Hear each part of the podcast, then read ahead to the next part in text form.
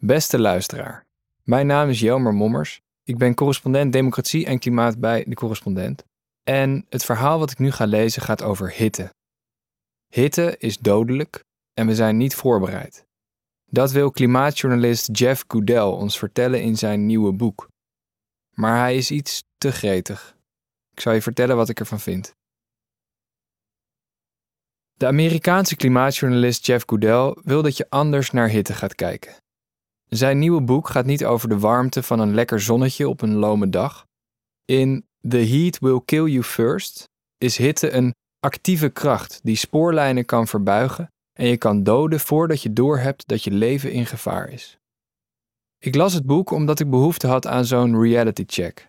Ik merkte dat ik begon te wennen aan de weersextremen. 52 graden in China, 46 graden op Sardinië. Tja, wat hadden we anders verwacht? Ik wilde mezelf uitdagen om, ook na tien jaar klimaatjournalistiek, de gevaren van de opwarming scherp op mijn netvlies te houden, ieder vleugje gelatenheid bestrijden. Dat moest toch lukken met een alarmerend, stevig aangeprezen boek van een gerenommeerd klimaatjournalist. Goodell schrijft al twintig jaar over klimaatopwarming voor Rolling Stone. Tal van bekende figuren uit de Amerikaanse klimaatwereld, zoals Al Gore, Naomi Klein, David Wallace Wells en Elizabeth Colbert, raden zijn nieuwe boek aan. Net als Jeff Goodell's vorige boek, The Water Will Come, is zijn nieuwe bestseller duidelijk geschreven om je stomp in je maag te geven. Maar mijn klimaatschrik nieuw leven inblazen lukte maar half.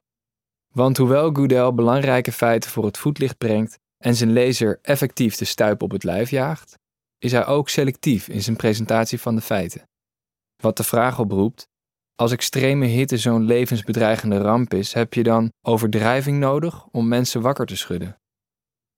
Het begint al op de eerste bladzijde, waar Goodell een lijstje cijfers heeft opgenomen, duidelijk bedoeld om het probleem stevig neer te zetten. Er staat dat vandaag de dag 30 miljoen mensen in extreme hitte leven. Zij wonen in gebieden waar het gemiddeld warmer is dan 29 graden Celsius, vooral in de Sahara is dat. In 2070, vervolgt Goodell, zullen waarschijnlijk 2 miljard mensen in zulke extreme hitte leven.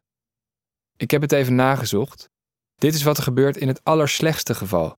Als de wereldwijde CO2-uitstoot hoog blijft en we ook nog eens doorgroeien tot 12,6 miljard mensen aan het eind van deze eeuw. Goed om melding van te maken, maar niet als het waarschijnlijke scenario. Naast overdreven is het boek soms eenzijdig. Zo schrijft Goodell dat er jaarlijks 489.000 mensen vroegtijdig overlijden door extreme hitte. Dat cijfer komt uit een studie uit de Lancet, waarin ook staat dat er jaarlijks zo'n 4,6 miljoen mensen overlijden door kou. Maar dat vermeldt Goodell niet. Toch geeft dat tweede cijfer ons een vollediger beeld. Klimaatopwarming leidt niet alleen tot meer hittedoden, maar waarschijnlijk, niet zeker, ook tot minder koude doden. Daar hebben mensen die nu overlijden door extreme hitte niets aan, maar het is wel een vermelding waard. En zo gaat het verder. Goodell schrijft dat de productiviteit van de landbouw afneemt door de hitte. De wereldwijde voedselproductie zou met 21% zijn afgenomen door hitte en droogte in de laatste 20 jaar. Maar het is de groei van die productiviteit die geremd wordt. De opbrengsten van landbouw nemen nog steeds toe. Ergens vraag je je af waarom grote namen uit de klimaatwereld een boek aanbevelen dat zulke basale fouten maakt. En het is niet alleen Goodell's omgang met cijfers, het is ook zijn stijl die me soms tegen de borst stuit. Goodell pepert zijn lezer op bijna iedere bladzijde in hoe ontzettend veel hij voor dit boek heeft gereisd. Hij heeft een vulkaan in Nicaragua nog niet bestegen, die was heel heet, of hij zit op een boot naar Antarctica, daar smelt het ijs. Even later skiet hij tussen de hongerige ijsberen op de Noordpool en dan schrijft hij dat op sommige dagen het zo hard sneeuwde dat Goodell en zijn vrienden geen meter konden zien. Maar niet iedere reportage is, om het even aardig te zeggen, even dienstbaar aan Goodell's verhaal. Dit is een soort macho-journalistiek.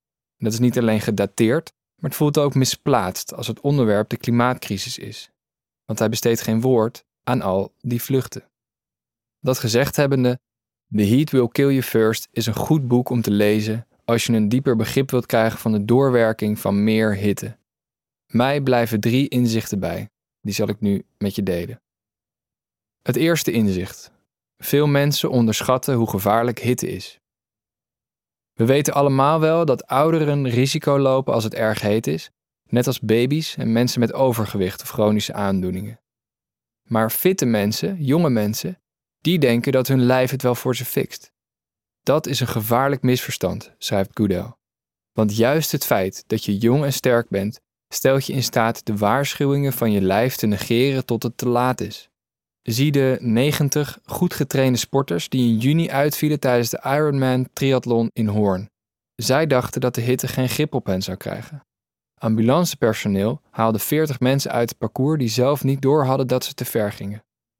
Goodell citeert iemand die over honden zegt dat ze de neiging hebben rond te rennen op de heetste dagen zonder over de gevolgen na te denken. Maar dat doen mensen dus ook. We gaan grosso modo nog naar dezelfde landen op vakantie, ook nu sommige bestemmingen steeds onbehagelijker worden. In de Amerikaanse Death Valley is extreme hitte een toeristische attractie. Kijk mam, ik sta naast een thermometer die 54 graden aanwijst. En binnen de VS verhuizen steeds meer mensen naar extreem hete gebieden, waar ze op hete dagen volledig van airconditioning afhankelijk zijn. Goodell's boek is een poging het kennisgat over extreme hitte te dichten. Hij beschrijft de concrete gevolgen en gevaren aan de hand van huiveringwekkende verhalen van mensen die eraan onderdoor gingen. Zoals Sebastián Perez, een jonge migrant uit Guatemala die tijdens een hittegolf in 2021 dood neerviel op een boomkwekerij in de Amerikaanse staat Oregon. Het verschil tussen Perez en de meer doorgewinterde werknemers van de tuinderij was dat hij weinig ervaring had met zwaar buitenwerk en extreme omstandigheden en waarschijnlijk dacht dat hij sterker was dan de hitte. Het tweede inzicht. Hitte bestendigt ongelijkheid.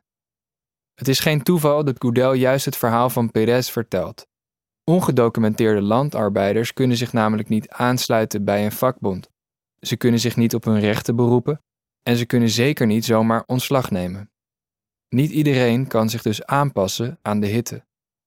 Goodell spreekt van een warmtekloof tussen de haves en de have-nots. In Griekenland was die kloof deze zomer goed te zien. Gedwongen evacuaties vanwege bosbranden waren voor toeristen op Rodos ontregelend, maar de echte pijn werd geleden in de detentiecentra waar 66.000 vluchtelingen niet aan de extreme hitte konden ontsnappen. Ze zitten daar naar eigen zeggen vast in gloeiende tenten en kokende ijzeren containers. Hitte kan een wapen zijn.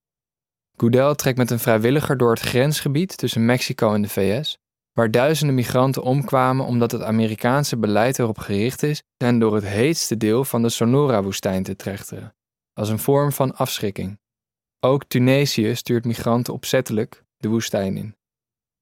In steden zijn het nu vaak al de rijke wijken waar veel bomen staan, de arme wijken waar het asfalt domineert. Mensen met een kantoorbaan kunnen airconditioning krijgen of hebben dat al. Mensen met een buitenberoep zijn de sigaar. Woningeigenaren kunnen investeren in groene daken en warmtepompen. Huurders met een laag inkomen kunnen hun airco alleen betalen als de stroomprijzen niet te hoog zijn. Het gevolg noemt Goodell een soort temperatuurapartheid, waar sommige mensen chillen in een koele bubbel, terwijl anderen sudderen in de slopende hitte. Je zou ook kunnen zeggen, al doet Goodell dat niet, dat mensen die sterven aan extreme hitte eigenlijk sterven aan armoede. Het derde en laatste inzicht Verkassende dieren zijn een gezondheidsrisico. Want dan zijn er de dieren die, geconfronteerd met hitte, volgens Goodell twee opties hebben: verkassen of uitsterven. Hij bespreekt een recente studie waarin 4000 soorten waren gevolgd. Ongeveer de helft verschoof zijn habitat, bijna altijd in de richting van koeler land of koeler water. Een deel van die migrerende dieren brengt ziekterisico's met zich mee. Virussen die tot op heden alleen onder dieren rondgingen, kunnen steeds makkelijker mensen bereiken omdat hun habitat vaker overlapt met menselijke nederzettingen. Muggen die ziektes zoals dengue en het Zika-virus verspreiden, vergroten hun leefgebied. En teken die Lyme verspreiden doen hetzelfde.